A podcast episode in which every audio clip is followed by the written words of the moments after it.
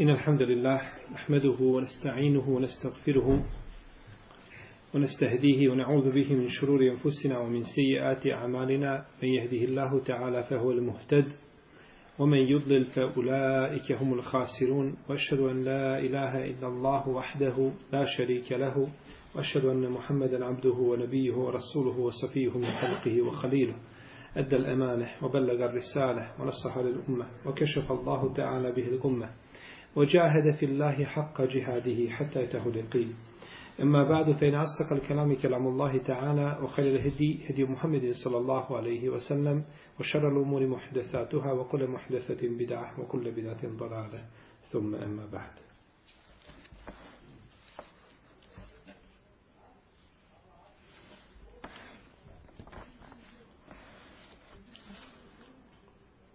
عن عبد الله بن يزيد الخطمي الأنصاري قال حدثني البراء وهو غير كذوب قال كان رسول الله صلى الله عليه وسلم إذا قال سمع الله لمن حمده لم يحني أحد منا ظهره حتى يقع رسول الله صلى الله عليه وسلم ساجدا ثم نقع سجودا بعده.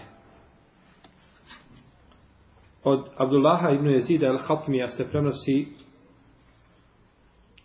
da je rekao, pričao mi je El Vera, a on nije lažov.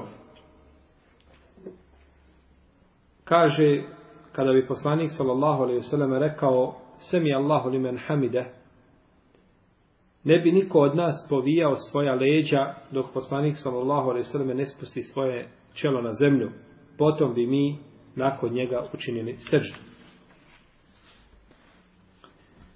Abdullah Ibn Jezid je ashab, sin ashaba, učestvovao je na Hudejbiji i imao je 17 godina. I bio je sa Alijom u pohodima i bio je odgovoran za Kufu. Bio je namještenik u Kufi. I umro je u vrijeme Ibn Zubeira. Ibn Zubair ga je postavio u Kufi kao namjesnika. El-Bara a, ashab poslanika sallallahu alaihi wasallame, Ibn Azib ashab sin ashaba boravio je u Kufi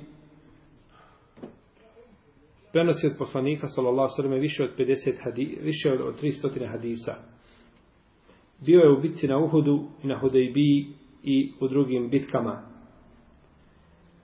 Isto je tako bio sa Alijom radijallahu anhu na bitci na Džemelu, Safejni i na Nahravan. I umro je u Kufi kada je imao 71 ili 72 godine. I kaže se El Bera, El Bera, a imate ime El Berra. Imate El Berra, i imate el-bera.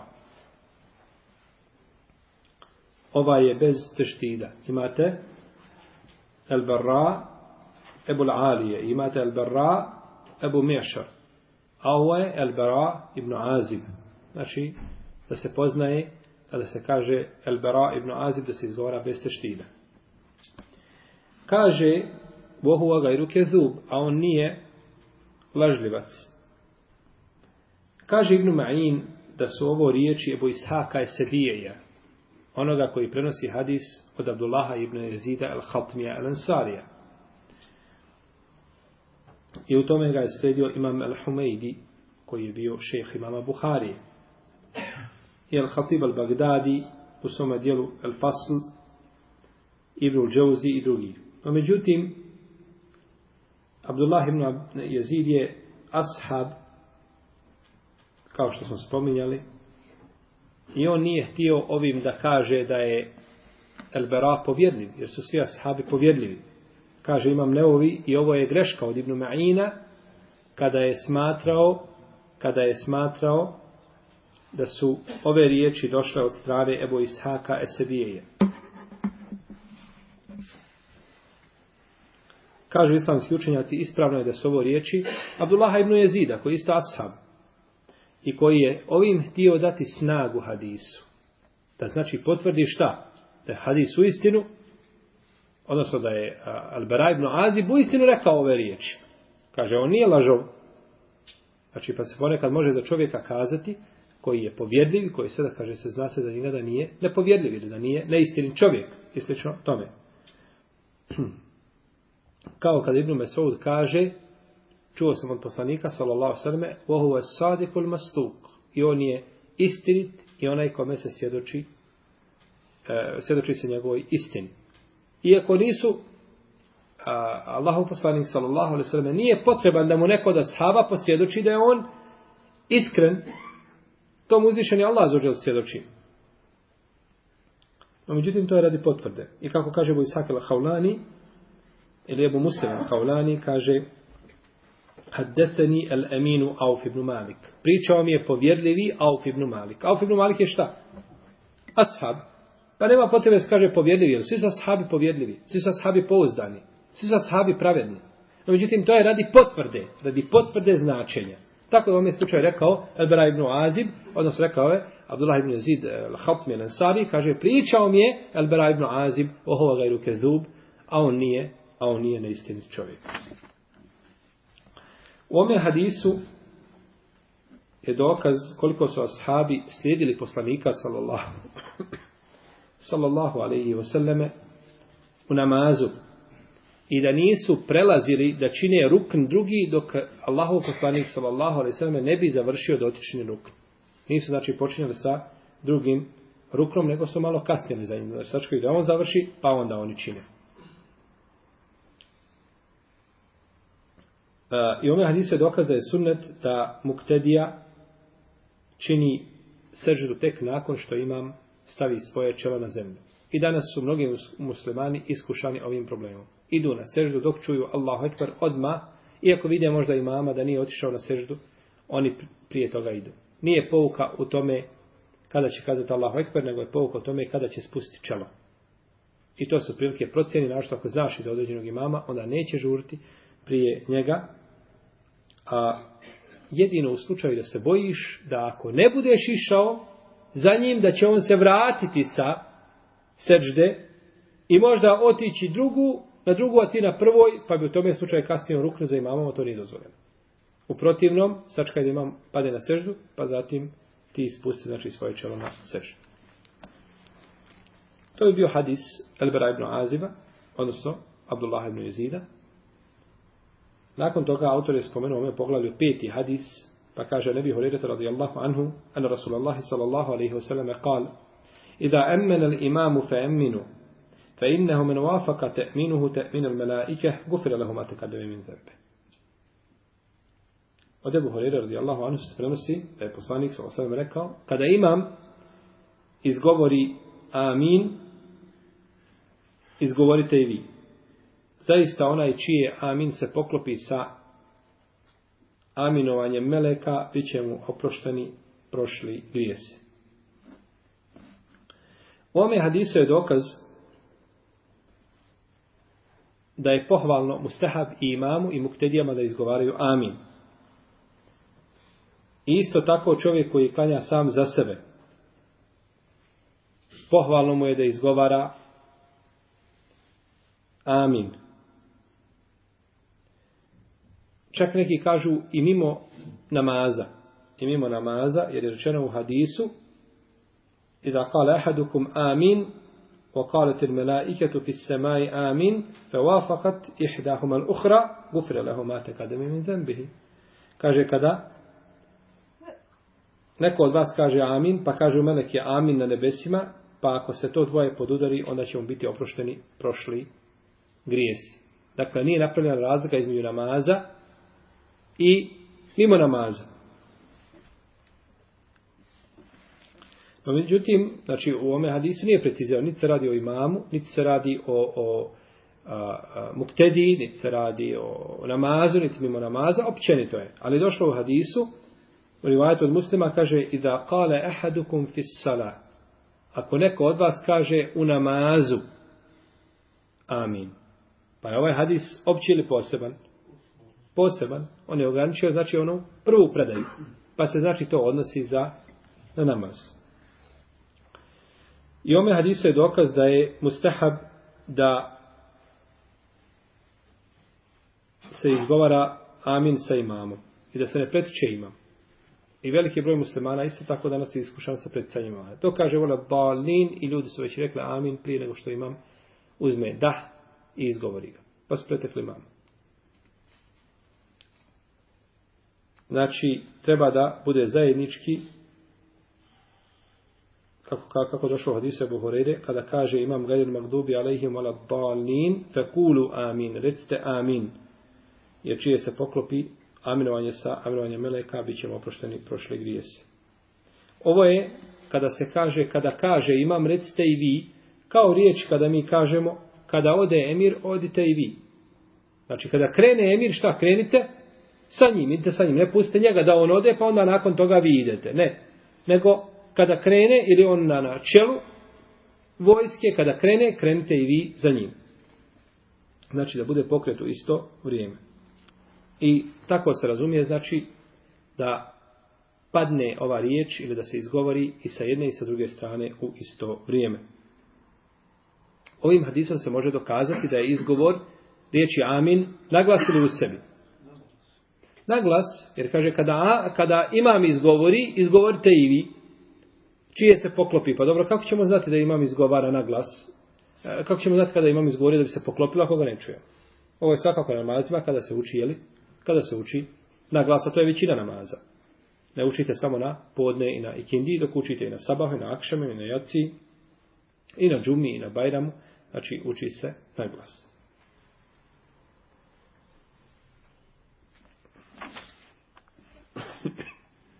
I došlo je u vjerodostojnim predajama da je poslanik sa osam izgovarao uh, uh, sa povišenim glasom i o tome smo opširnije govorili u knjizi o namazu. Dokaže Ebu Hanife i e, uh, kupljani da se izgovara u sebi suprotno mišljenju većine uleme.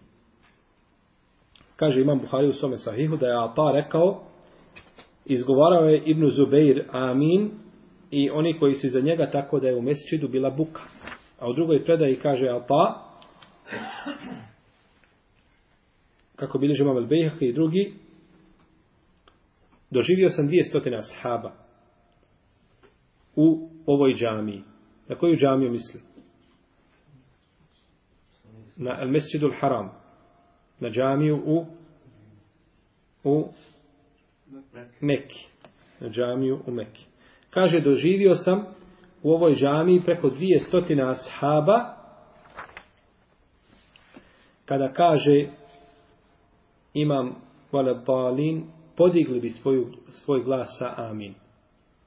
Podigli bi svoj glas sa amin. Zašto ste rekli, kada sam vas upitao u kojoj džami, zašto ste rekli nekako jednostavno u Medini? Što niste rekli u Mekke? A da nismo sinovi spominali da je Ata bio muftija Harema? Ha? Nije spominjali, šta kaže imam Zahebi? El imam, ili ovako rekao, el imam, šejhul islam, muftil haram. Smo tako govorili. A se kaže harem, misli se na, općenito kad se kaže harem ovako globalno, misli se na mekanski harem. Pa je Ata pa živio gdje? U Mekke. Pa je živio u Mekke. Jeste, on je muftija Mekke.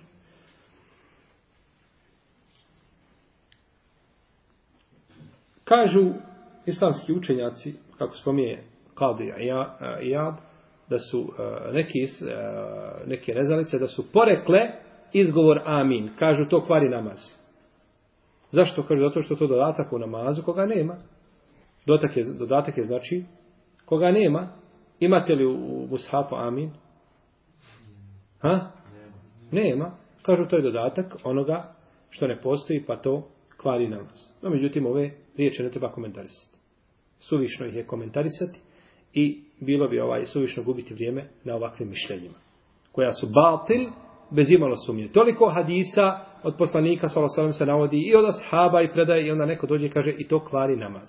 Da je rekao izgovor u sebi može proći i to je mišljenje kod hanetijske pravne škole. Da je rekao ovaj ne treba ga izgovarati i to bismo prihvatili sa tri upitnika velika iza njega kao mišljenje nekako. No međutim da kvari namaz to je batel bez imalo, bez imalo sumnje.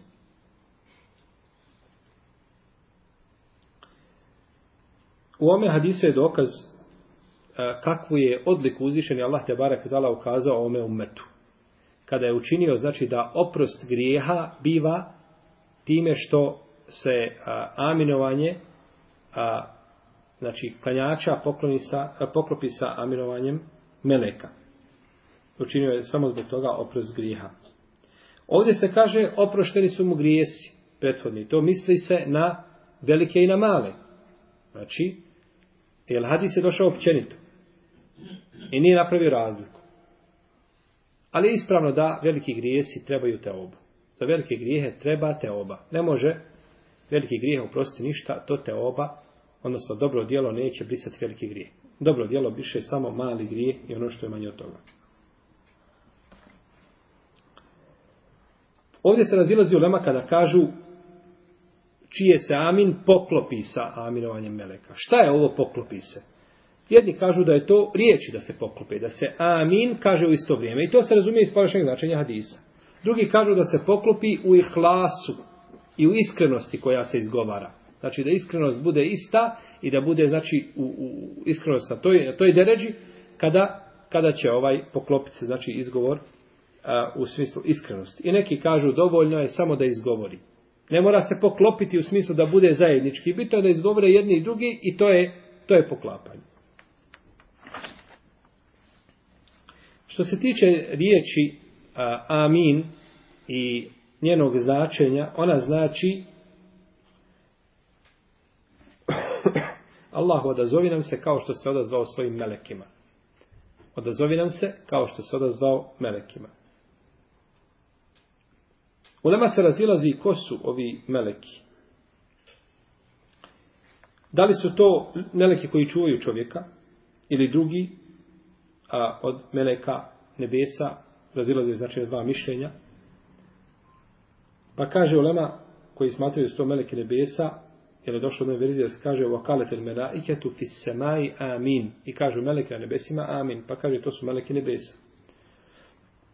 Dok drugi kažu to su meleki zemlje, koji kada kažu čuju melek na nebesima, pa i oni kažu. U svakom slučaju, a, razilaženje, je, ali je ispravno da su to svi meleki.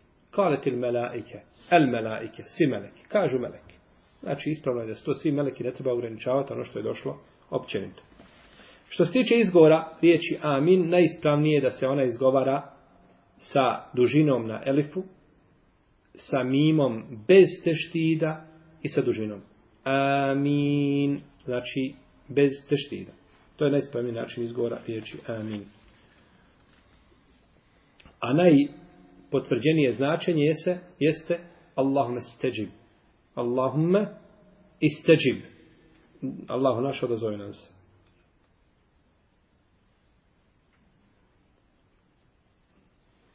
Ovi neki malikijski učenjaci ovim hadisom dokazuju a, ima i drugi mišljenja da je, a, da je amin da znači gospodar naš, daj nam e, poživi nas u miru i u dobru.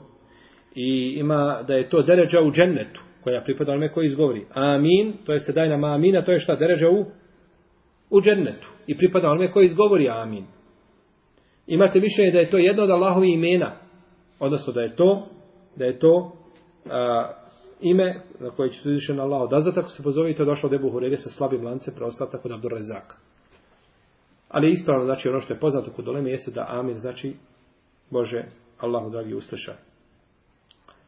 Neki malikijski učenjaci dokazuju ovim hadisom da se ne treba učiti iza imama. Kada? Jeli kada imam uči na glas. A međutim, hadis ne ukazuje, ne ukazuje na tu činjenicu.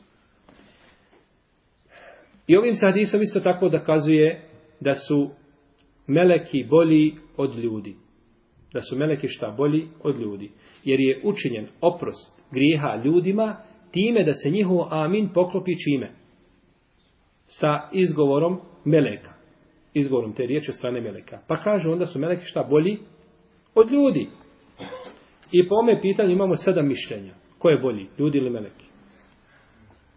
Prvo mišljenje je da su neki ljudi koji nisu poslanici bolji od meleka. Neki nisu svi. A drugo mišljenje je da su neki poslanici i neki vjernici bolji od nekih meleka. Od nekih, ne od svih.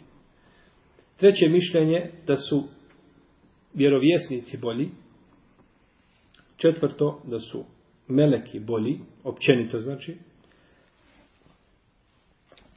Peto da su samo poslanici bolji, jer su poslanici bolji od vjerovjesnika. Šesto da su meleki nebesa bolji od poslanika, da su poslanici bolji od meleka zemlje. I sedmo, neraspravljanje o ovome pitanju. Znači, ne razgovara nikako. Znači, ne, ne, ne tretiranje ovoga pitanja uopće. I nema sumnje da ovo, da ovo sedmo više ima svoje mjesto. I islamska ulema za ovakva pitanja kaže mes'eletu pawileti zeil qalileti neil. Pitanje koje ima dug rep, a nikakve koristi od njega. Znači rep dug, misli se na dugo pri, priča, velika rasprave duge i neka i dobro kažemo. Svi ste vi bolji od Džibrila. Hajde da kažemo, primjer radi. Šta nakon toga? Jel, jel, ist, jel, jel se promijenilo kod vas po pitanju a, a, vjere, pitanju od vjerovanja, obavljanja praktičnih obreda Islama? Ništa. Isto ostaje. Da kažemo Džibril je bolji od svi ljudi, Džibril je bolji od poslanika sa osram, ili poslanik sa osram bolji od Džibrila, šta nakon toga? Šta je rezultat tog pitanja? Ništa. Isto ostaje jednima i drugima. Znači, ta rasprava je upravo kako Lema opisala, znači rasprava koja ima svoje ogranke i, i, i ovaj široka, a mala koristi od nje. Mala koristi od nje. Šekol Islam Ibn imije kada je upitan o ovome pitanju, u svojim petvama u četvrtom tomu, odgovorio ovako. Meleki su bolji kada je u pitanju početak, a ljudi su bolji kada je u pitanju završetak. Jer meleki sada dok su ljudi na zemlji, meleki su pokorni i e, sam njihov znači trud ili sve njihovo vrijeme je usmjereno u čemu? U pokornosti. Allah Sve je ibadet kod njih. Dok to nije kod ljudi. Ali kaže, kada bude sudnji dan i kada mu'mini uđu u džennet, u tom slučaju će biti bolji šta? Od meleka će dobiti deređe koje neće oni dobiti. Znači, je takav je način odgovor. U svakom slučaju, ovaj, vjerujem da uzvišeni Allah te barak je neće ovaj vjernika kažnjavati za ovo pitanje ako ne bude znao, jer ono pitanje kajtske prirode, ako ne bude znao ko je bolji. Nisam znao, Allah, dragi, ko je bolji, od, da li je bolji Jusuf, a.s. ili je bolji Mikail, ili Israfil, ili Džibril, a.s. tako dalje. Niti sam o tome raspravljao, Inša Allah da neće biti pitan za takve stvari.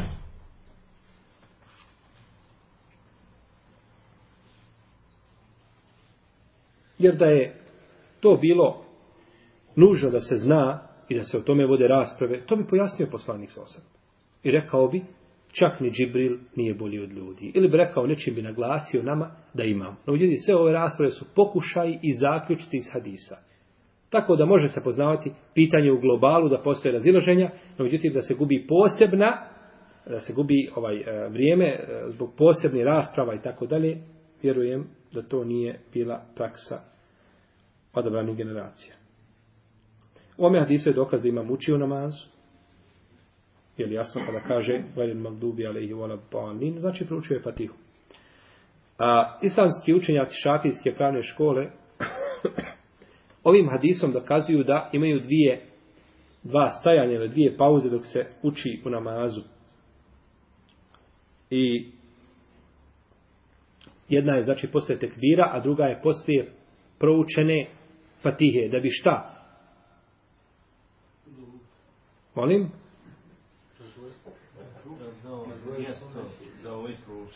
Da bi ostavio mjesta, baš tako Asmir, Allah te nagradio. Da bi ostavio mjesta Znači vidite koliko je bolje, ko sjedi vam gore bliže, bolje čuje. Ovaj, a, da bi ostavio mjesta muktedijama, šta da, prouče, pa zato pravi, to je ko šafijske pravne škole poznato, dok je imam Ebu Hanife, Malik e, i, i, ovaj, e, i drugi, i Džumhur, osudili to i kažu to nije tako. Jer je potvrđeno od poslanika, sa osam da je pravio dvije pauze pri učenju u namazu. Poslije početnog tekbira i Prije odlaska na ruku, baš tako. Jel u redu? Jel sada slažete sa mnom da je bolje sjediti napred? Znači, prije, a, a, prije, poslije početnog tekbira, napravio bi pauzu, tu se uči dova, imate poslije, kada bi završio minel džinneti, on nas stane, i onda kaže, Allahu ekber, i onda ide na ruku. To je dvije pauze. A ova pauza poslije Fatihe nije potvrđena. Hadis koji govori o toj temi, bilježi vam tirmizi, hadis je dajiv. Pa su šafijski učenjaci uzeli hadis koji je dajiv, koji ima slab lanac prenosilaca. Koji ima slab lanac prenosilaca, pa nije znači potvrđeno, nego je potvrđeno od poslanika sallallahu alejhi na ova dva dva mjesta. Ovo bilo znači o hadisu Ebu Hureyre. Wallahu ta'ala alim. Sallallahu ala nabina Muhammed wa ala alihi wa sahbihi.